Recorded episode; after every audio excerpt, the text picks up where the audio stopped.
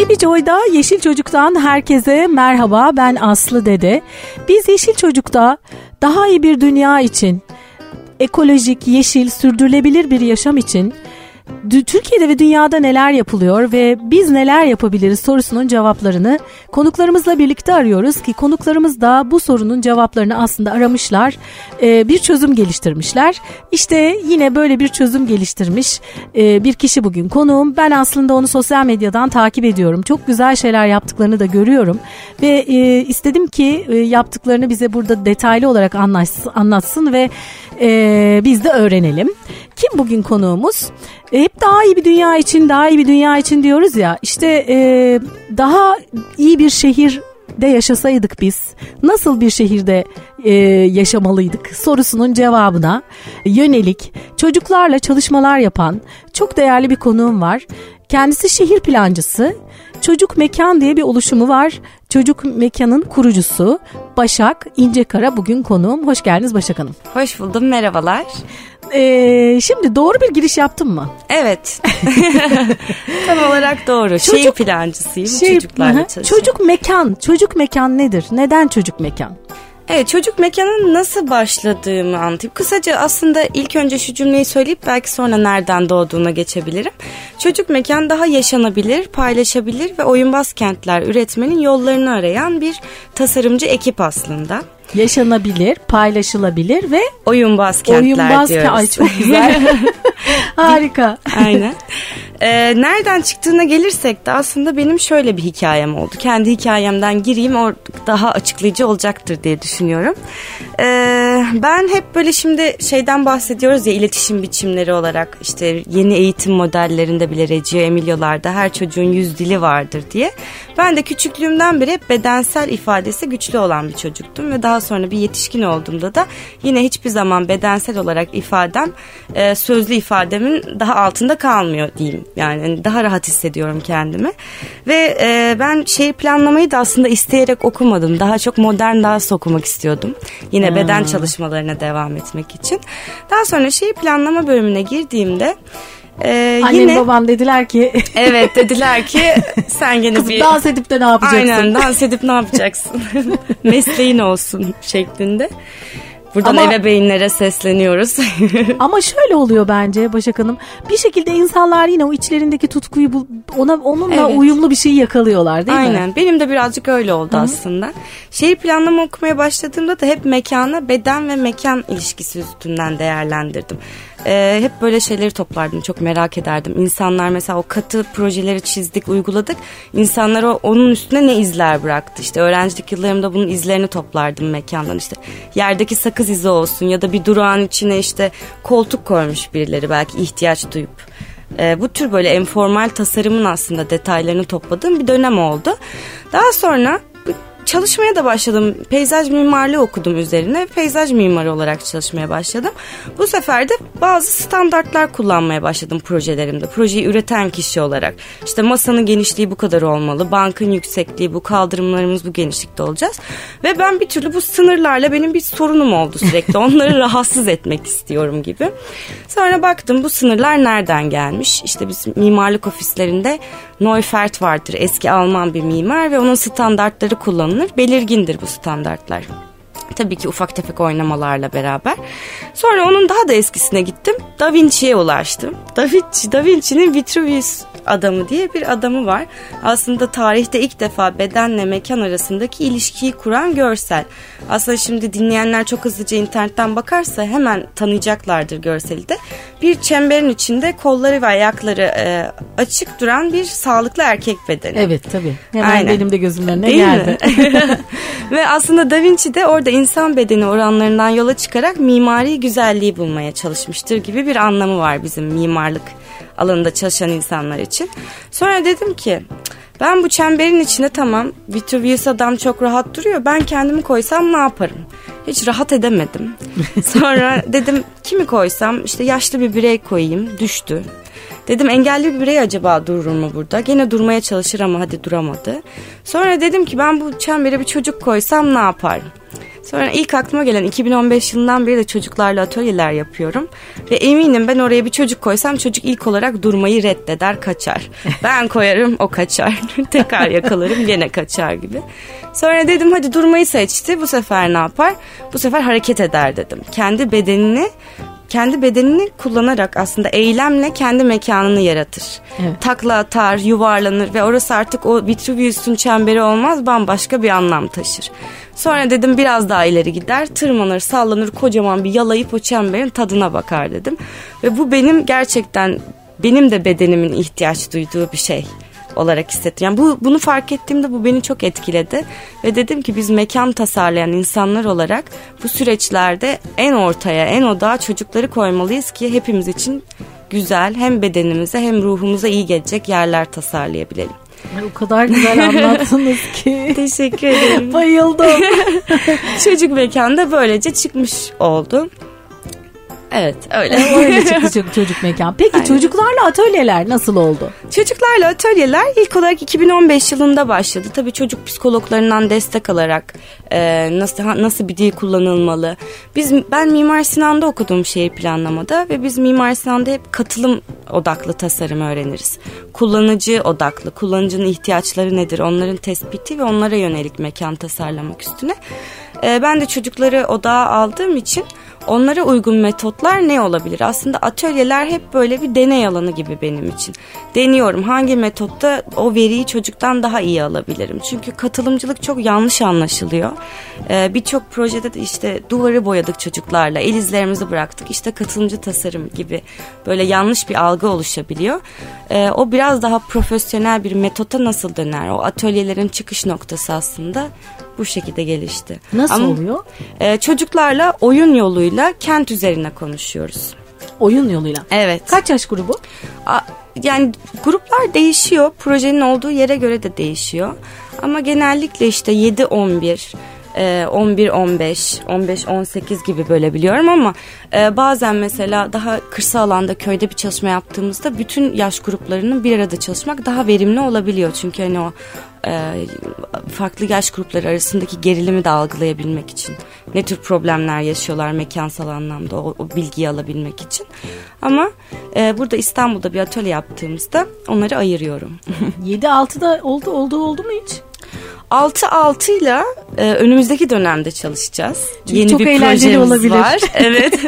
Bu zamana kadar aslında hep 6 ve üstü. Özellikle böyle hani okula da gitmeye başlamış, kentle iletişimi biraz daha artmış gibi düşünerek e, tercih ettik ama şimdi e, aslında anne karnında ilk mekanından çıkan çocuğun ilk deneyimlediği çocuk odası üzerine bir çalışmamız olacak.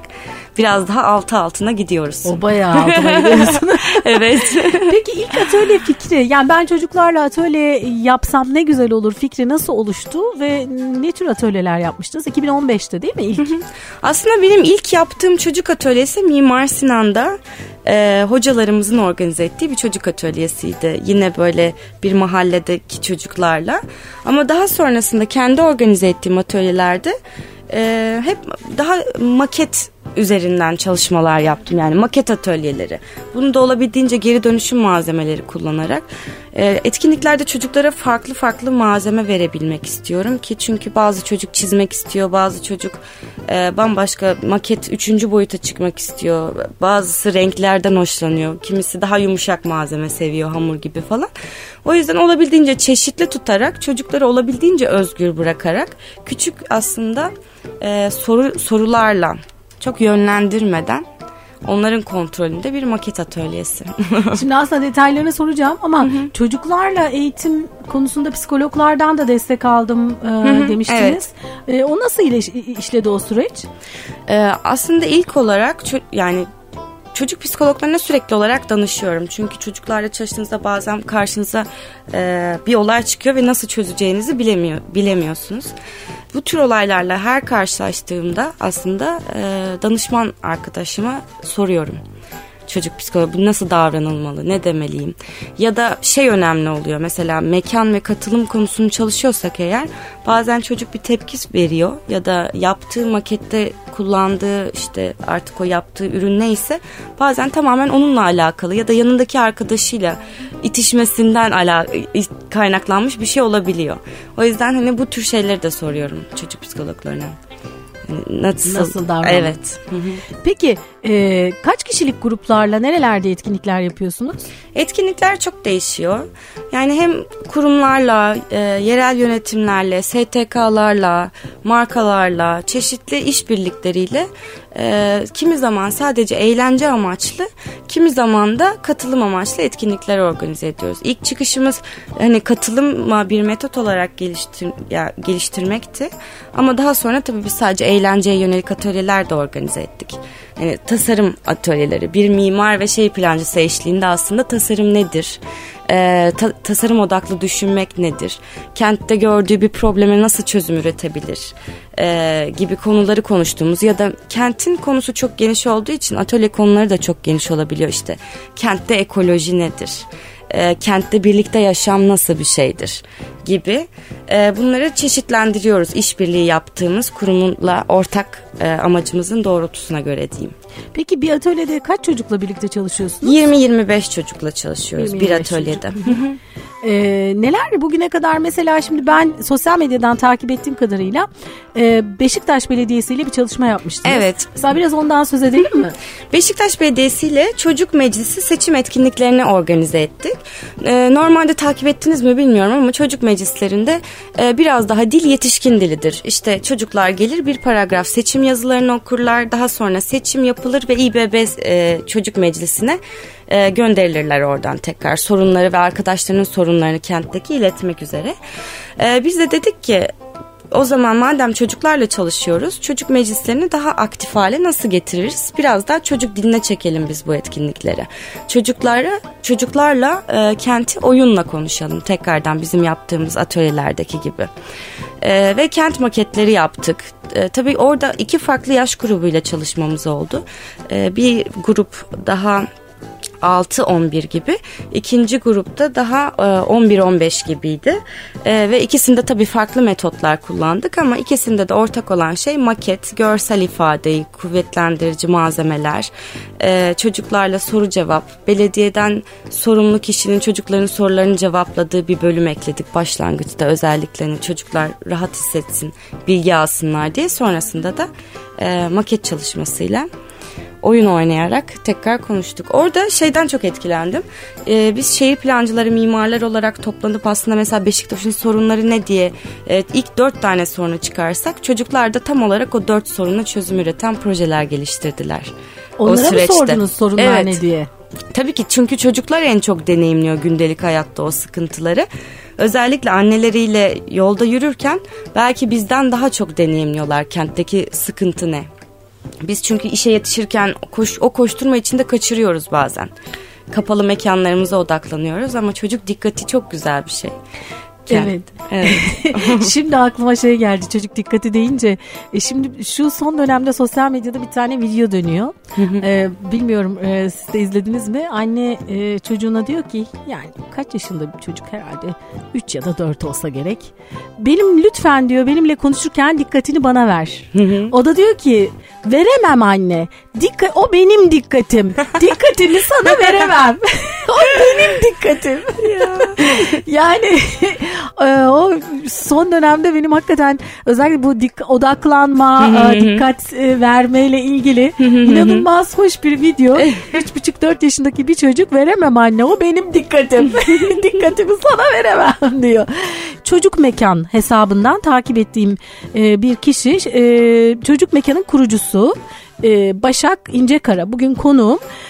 Çocuklar çok farklı bir gözle tabii daha yaratıcı e, ve daha e, yargısız değil mi? Evet kesinlikle. bizim Zaten, gibi. Evet. E, e, yargısız olmak şu açıdan iyi sanırım.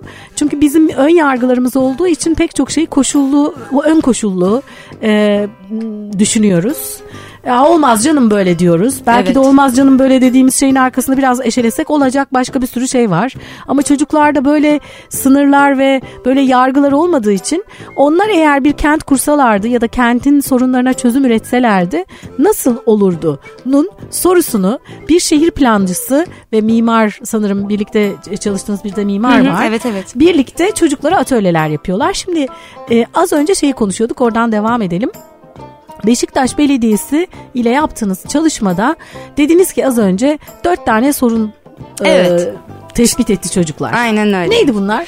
Bunlardan bir tanesi kamusal alanlarda mesela arkadaşlarıyla zaman geçirebilecekleri güzel rahat oturma alanlarıydı ki gerçekten Beşiktaş için sıkıntılı bir konu. Evet. Ee, bir tanesi bunlarla ilgili aydınlatma sıkıntısının olmasıydı. Gece kullanımı için e, Beşiktaş'ta özellikle biraz daha Gece akşam de sokağa saatlerinde. çıkmak istiyor çocuklar. Aynen. Bu tabii bu e, çözüm önerisi bir pıt bir pıt demeyeyim ama bir parça daha e, büyük yaş grubu çocuklardan geldiğini söyleyebilirim hani.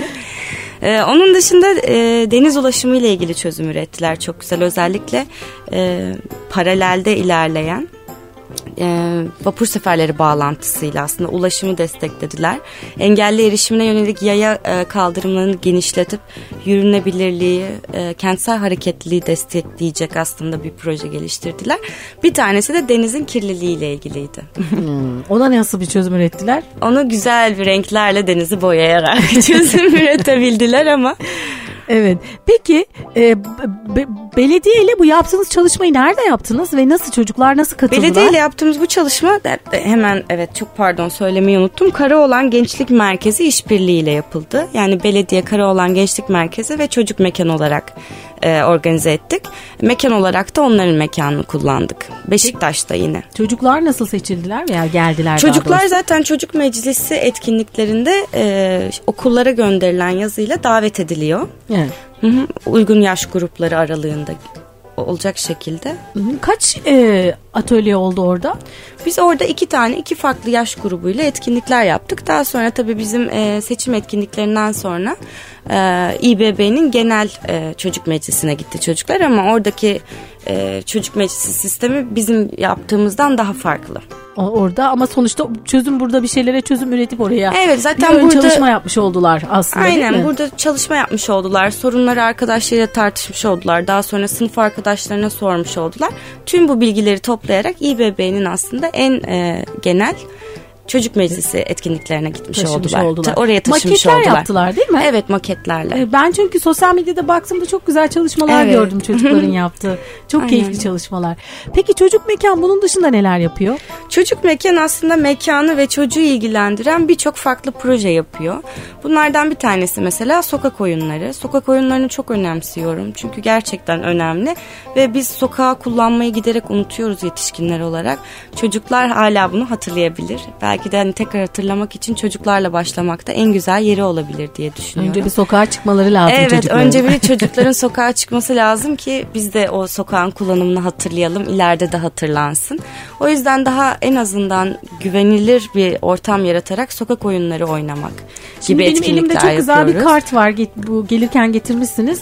Oyun kartları var değil mi? Evet, Saklambaç var mesela bunun üstünde. Evet aynen oyunları e, özellikle sokak oyunlarını biriktiriyoruz diyeyim. E, bu saklambaç ama tabii bu giderek artıyor. Her seferinde çocuklarla yaptığımız atölyelerde soruyoruz. Hangi sokak oyununu etkileme, eklemeliyiz sırada diye. Onlardan gelen cevaplara göre ekliyoruz. E, çocuk etkinlikleri dışında yetişkinlerle de atölye yapıyoruz. Yetişkinlerin çocuklar için doğru düşündüğü, olması gerektiğini düşündüğü mekanlar nasıl? Onları görüp aslında çocukların gerçekten istedikleri mekanlarla karşılaştırma fırsatımız oluyor bence çok güzel. Nasıl farklar? Ee, yetişkinler genelde çok tabii güvenlikli ve kontrollü ve sınırlı. Konu genelde güvenlikle güvenlik. ilgili evet, Evet geliyor olduğu tahmin için. ediyorum. Hı hı. Aynen. Onun dışında bizim yaptığımız ça- çalışmaları iki başlığa bölebilirim aslında ben. Mekansal tasarım ve üretim diye. Tüm bu bahsettiklerim mekansal üretim dediğim kısma giriyor. Çünkü mekanın daha sosyal, o ilişki ağları, arkadaşlıklar, sokağa çıkma, diğerini görme, oyun oynama gibi konular üzerinden ya da haritalar üretme, kendi mekanına karşı aidiyetlik, aidiyet duygusunu geliştirebileceğin bazı küçük e, etkinlikler organize etme diyeyim. Bunun mekansal tasarım boyutu da tabii biraz önce de dedik ben, e, biz aslında tasarımcı bir ekibiz. Şehir plancısı, mimar, peyzaj mimarı gibi e, ve ciddi anlamda hani bir park tasarımı, bahçe tasarımı, işte sokak tasarımı gibi kentsel mekanın e, fiziksel olarak hangi kriterlere göre tasarlandığında çocuk dostu olabileceğine yönelik de çalışmalar yapıyoruz. Hani bir kent çocuk dostu olması için evet bir sürü kriter var. Ne mesela Ama, onlar? E, en önemlisi çocuğun hareketliliği, yürüyebilmesi lazım şehirde. Hı hı. Ee, mesela biz her kriterimize yönelik aslında bir şehir tasarlıyoruz. Bunların ilkini tasarladık. İki, iki tanesini tasarladık. İlki yürüyen şehirdi. Çünkü en öncelikli çocuğun önce bir e, kentinde, sokaklarında yürüyüp deneyimleyebilmesi lazım. O sokak arkadaşlığını geliştirebilmesi lazım. Hem bilişsel hem fiziksel gelişimi için. Aslında kent bu kent gerçekten de üçüncü öğretmen diyebiliriz yani. Çocuk çok fazla şey alıyor kentten. Çok öğretici. Ee, ve yürüdüğünde ancak bunu deneyimleme fırsatı var. Yürüyen gezerek. Şehir, aynen gezerek. evet. Yürüyen şehrin de böyle bir paragraflık açıklaması vardı. O da şey e, yürüyen kent bazen sıkılır. E, sıkılınca sokaklarında yürümek, yürüdükçe de yeni sokaklar yaratmak ister. Hmm. Yani çocukların kentte sıkılıp yürümeye hakkı var. Çok güzel. Diyoruz gibi. En önceliği bu. Başka kriterleri çocuk dostu? Çocuk yani. dostu olabilmesi için e, mesela hep güvenlikten bahsederiz. Biraz risk alabilmesi gerekir çocuğun. Tabii kontrollü bir şekilde. E, özellikle açık havada yeşile ulaşabilmesi gerekir çocuğun. E, onun dışında oyun alanlarına, oyun hakkına aslında ulaşabilmesi gerekir. Evet. Öyle ve onun dışında tabii fiziksel olarak da şeyler de var. Yani basamağın yüksekliği, ne olmalı? Kaldırım genişliği çocuğun oyun oynayabilecek. Aslında çocuğa olasılıklar yaratabilecek bir mekan verebilmemiz gerekiyor temelinde ki o onu hayal gücüyle zenginleştirebilsin. Ben hep şey diyorum yani bir mekanın en büyük potansiyelini görüyor çocuk. Çünkü çocuklar genelde hep kentte de kırsalda da boş mekana gidip mesela inanılmaz şeyler yapıyorlar. O beş, boş mekanlar, tanımsız mekanlar bir yetişkin gözüyle çocuklar için çok anlamlı ve gerçekten mekana o kadar büyük bir potansiyelle bir daha bakamayacaksın büyüdüğünde. Onlara gerekli alanı verebilmeliyiz diye düşünüyorum. Algı bir de şey ya hani şey hep şöyle olur. Küçükken gittiğin bir yere yıllar sonra gidersin. Aynen. Aa ne kadar küçükmüş evet, dersin. Evet. Tamam senin de boyun uzamıştır belki ama sadece o değil herhalde değil mi? Evet, Sadece değil. boyumuzun uzaması değil. Evet. Algımızla da ilgili sanırım. Aynen öyle. Belki Hepimizin onu... bunu yaşaması tesadüf değil. yani demek ki e, mekan algımız daha e, sınırsız ve sonsuz evet, çocukken. Aynen öyle. Hakikaten bu e, önemli. Peki çocuk dostu kentin başka kriterleri ne olabilir?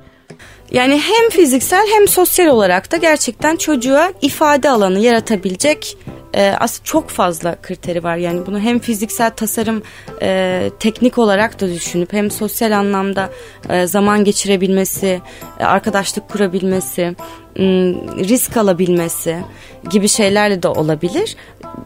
Bu skala geniş. Bununla yapın bununla ilgili yapılmış birçok da çalışma var. Ama bizim yaptığımız biraz daha bu e, skaladakileri çocuklara soruyoruz. Ve acaba hani öyle değil de çocuklar çocuklarla başka türlü ifade etmemiz gerekiyor olabilir mi? Çünkü biz onları hep yetişkin e, aklıyla karar verdik ve çıkardık. Şimdi bir de çocuklar yorum yapsın bakalım Onların deyip evet aslında çünkü kriterler çok var. Hani çalışılmış daha önceden de. Ama bizim bu şehirlerde yapmak istediğimiz onları çocuklarla tekrar değerlendirmek. Yani yine o e, Da Vinci'nin şeyine girer dönerse çemberine, çemberine e, oradan yola çıkarak acaba çocuklar olsa nasıl e, evet. o çemberi nasıl kullanırlardı? Aynen. Değil mi? Onu onu cevaplıyoruz. Ya da işte şey gibi oluyor. Şimdi, şimdi yetişkinlerle yaptığımız atölyelerde de çocuklar için çocuk dostu bir mekan tasarlayın dediğinizde bir yetişkini kapalı site tasarlıyor. Aa. Ama çocukların hiçbiri kapalı site tasarlamıyor ve beden yani ihtiyaç duydukları şey aslında o kapalı site mi? Bu çok büyük bir soru işareti hmm, kentlerimizde gibi. Hmm. Hakikaten o ilginç. Kapatıyoruz onları yani. Evet aynen kapatıyoruz. ya ama zaten çocuklar yani ne yazık ki gerçi şimdi artık okul dışı aktiviteler de artmaya başladı açık alanlarda. Ama çocuklar belli bir yaşa girince evet zaten okula girdikleri andan itibaren hani benim çocukluğumda ben çok şanslıydım. Çünkü tek katlı işte Ataköy'de Ataköy İlkokulu'nda e, ko- kocaman bir bahçesi olan ve tek katlı yani bütün okul tek katlı olarak e, tasarlanmış bir okulda ben e, eğitim aldım. E, yani binaların içerisine çocuklar giriyorlar ve en aslında aktif oldukları e, yaşlarında Evet. o binaların içerisinde çok fazla vakit geçiriyorlar. Aynen Oradan öyle. çıkıyorlar eve giriyorlar evden çıkıyorlar alışveriş merkezine gidiyorlar. Açık alanda çok fazla vakit geçirmiyorlar. Evet bu yaratıcılığı da engelleyen bir şey aynı zamanda. Çünkü kent çok zengin. Ama anlamda. artık çok seviniyoruz ki e, açık alan etkinlikleri, işte orman okulları, Evet, e, evet. açık alan etkinlikleri artmaya başladı. E, bu da güzel, e, sevindirici gelişmeler var aslında bu konuyla ilgili. Şimdi bir de bu elimdeki karttan biraz bahsedelim mi? Evet. Saklambaç yazan oyun kartı nedir bu? Ne işe yarıyor çocuk mekan?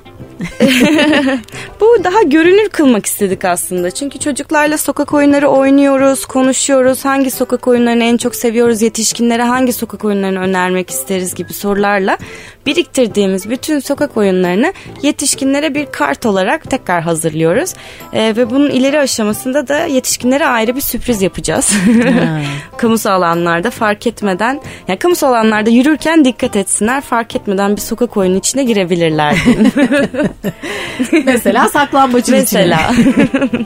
Evet, çocuklar zaten e, ya geçen gün bir marketteydim büyük bir markette E, bir baktım hemen orada oyun kurmuşlar saklambaç Evet. oynuyorlardı. Aynen öyle. Ay oraya onların arasında bir de saklanmak tabii çok güzel. Evet.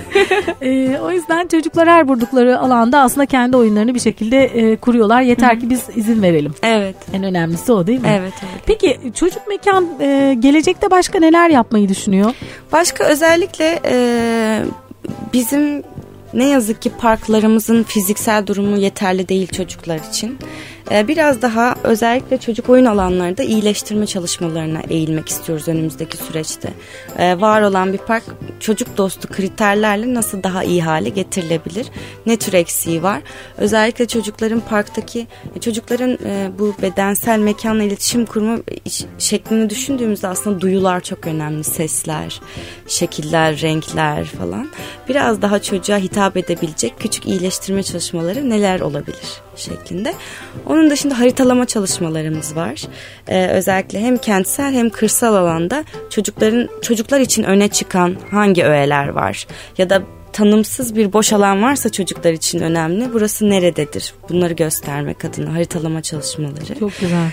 Ee, o çok önemli çünkü e, özellikle daha küçük yerleşim yerleri giderek büyüyor ve kentin mekanı da çok hızlı dönüşüyor. Sürekli dönüşüyor ve biz o e, şimdi hadi İstanbul'da çocukların bir hareket alanı yok.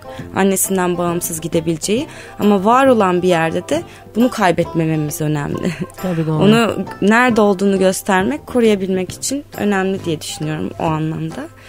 Ee, bu iki yöne biraz daha ağırlık vereceğiz önümüzdeki süreçte. Bir de tabii e, daha gerçekten çocuğun anne karnından sonra deneyimlediği ilk mekana biraz eğilmek istiyoruz. Çünkü o da e, hem çocuk hakları anlamında da değerli bir konu. Mekan konuları çocuk haklarıyla çok birebir ilişkili. Çünkü e, eğer mekan yetersizse çocuk gerçekten örneğin eğitim hakkından mahrum kalabilir. Oyun oynama hakkından mahrum kalabilir. O yüzden mekanın çok kritik öyle bir yeri de var. Öyle Tabii- düşünmek Tabii gerekiyor. doğru. Bulunduğu mekan besliyor aslında. Evet. e, değil mi çocuğu Aynen belki de. öyle. E, bu şey gibi düşünün. Yani nasıl bir toprağa e, bir tohumu bırakırsanız e, aldığı güneş, yağmur, e, besinler onun için önemliyse o yüzden çocuğu da e, içinde bulunduğu e, mekan hakikaten bu açıdan bakır, bak bakıldığında e, okulların da tabii bu yani en çok vakit Evet. geçirdikleri yerler aslında. Evet okul bahçelerinin durumu mesela. Daha, evet. yani hakikaten üzülüyorum bazen bak Evet. gördüğüm zaman bazı okulları. Yani çok beton, düz. Evet o aslında o çok yapılacak çok şey var. Aynen yapılacak çok fazla çok konu var. Evet. Ama işte çocuklar e, şimdi bu özellikle bu atölyeler çok etkili bence. E, çünkü o farkındalığı çocuklarda e, yarattığımız zaman unutmuyorlar bir kere. Yani ben yıllar önce vekil ilkokul öğretmenliği yaptım. E, üçüncü sınıf öğrencisiydi çocuklar E, ve o zaman işte onlara bir sürü aktiviteler yaptırdık. E, ilk defa hiç tiyatro görmemiş çocuklardı, izlememiş çocuklar. Onlara tiyatro çalıştırdık, onları işte şehir tiyatrolarının sahnesine çıkardık vesaire. Yani yaklaşık 3 aylık bir vekil ilkokul öğretmenliğim oldu yüksek lisans yaparken. O zaman arkadaşıma e, çocuk tiyatrosu üzerine uzmanlaşmış bir arkadaşım bana yardımcı olmuştu. Ya acaba bunu hatırlarlar mı Hatırlarlar. Hiç unutmuyorlar. Hiç unutmazlar. Yani o dokunduysan eğer onu bir, yer, Evet. bir yerden hassas Aynen. bir noktaya dokunduysan o çocuğun bütün hayatını etkiliyor. Aynen öyle. O yüzden hakikaten e, şu anda yaptığınız çalışma geleceğin mekanları için çok değerli. umuyorum. İyi ki Teşekkür yapıyorsunuz. ederim. Çok çok, Çok teşekkürler. E, süremizin sonuna geldik. tamam. E, ama çocuk mekan yazarak sosyal medyadan Evet. sizi detaylı olarak takip edebilirler evet değil evet. mi? Tabii ki. Instagram'dan ben takip ediyorum. Instagram'dan daha aktif olarak paylaşıyoruz bütün projeleri. Orada yaptığınız bütün çalışmaları ya da sizinle birlikte çalışma yapmak isterlerse oradan da size ulaşabilirler. Tabii. Tıpkı ben de size oradan ulaştım. Evet. Ee, çok çok tebrik ediyorum Çok teşekkür ediyorum. ve başarılarınızın devamını diliyorum. Teşekkür ederim. Çok Evet sağ olun. bir Yeşil Çocuk programının yine sonuna geldik. Bugün kim vardı? Konuğumuz e, şehir plancısı ve çocuk mekan oluşumunun kurucusu e, Başak İncekara bugün konuğumdu. E, sosyal medyadan çocuk mekan yazarak detaylı olarak inceleyebilirsiniz. Bize nasıl ulaşabilirsiniz? Sosyal medyadan Yeşil Çocuk yazıyorsunuz ya da yeşilçocuk.com adresinden de web sitemize ulaşmanız mümkün. E, Karnaval.com üzerinden Yeşil Çocuk'un daha önce yayınlanmış olan podcastlerine de ulaşmanız mümkün. Ben Aslı Dede. Bir sonraki Yeşil Çocuk programında yeniden buluşmak üzere. Yeşil kalın.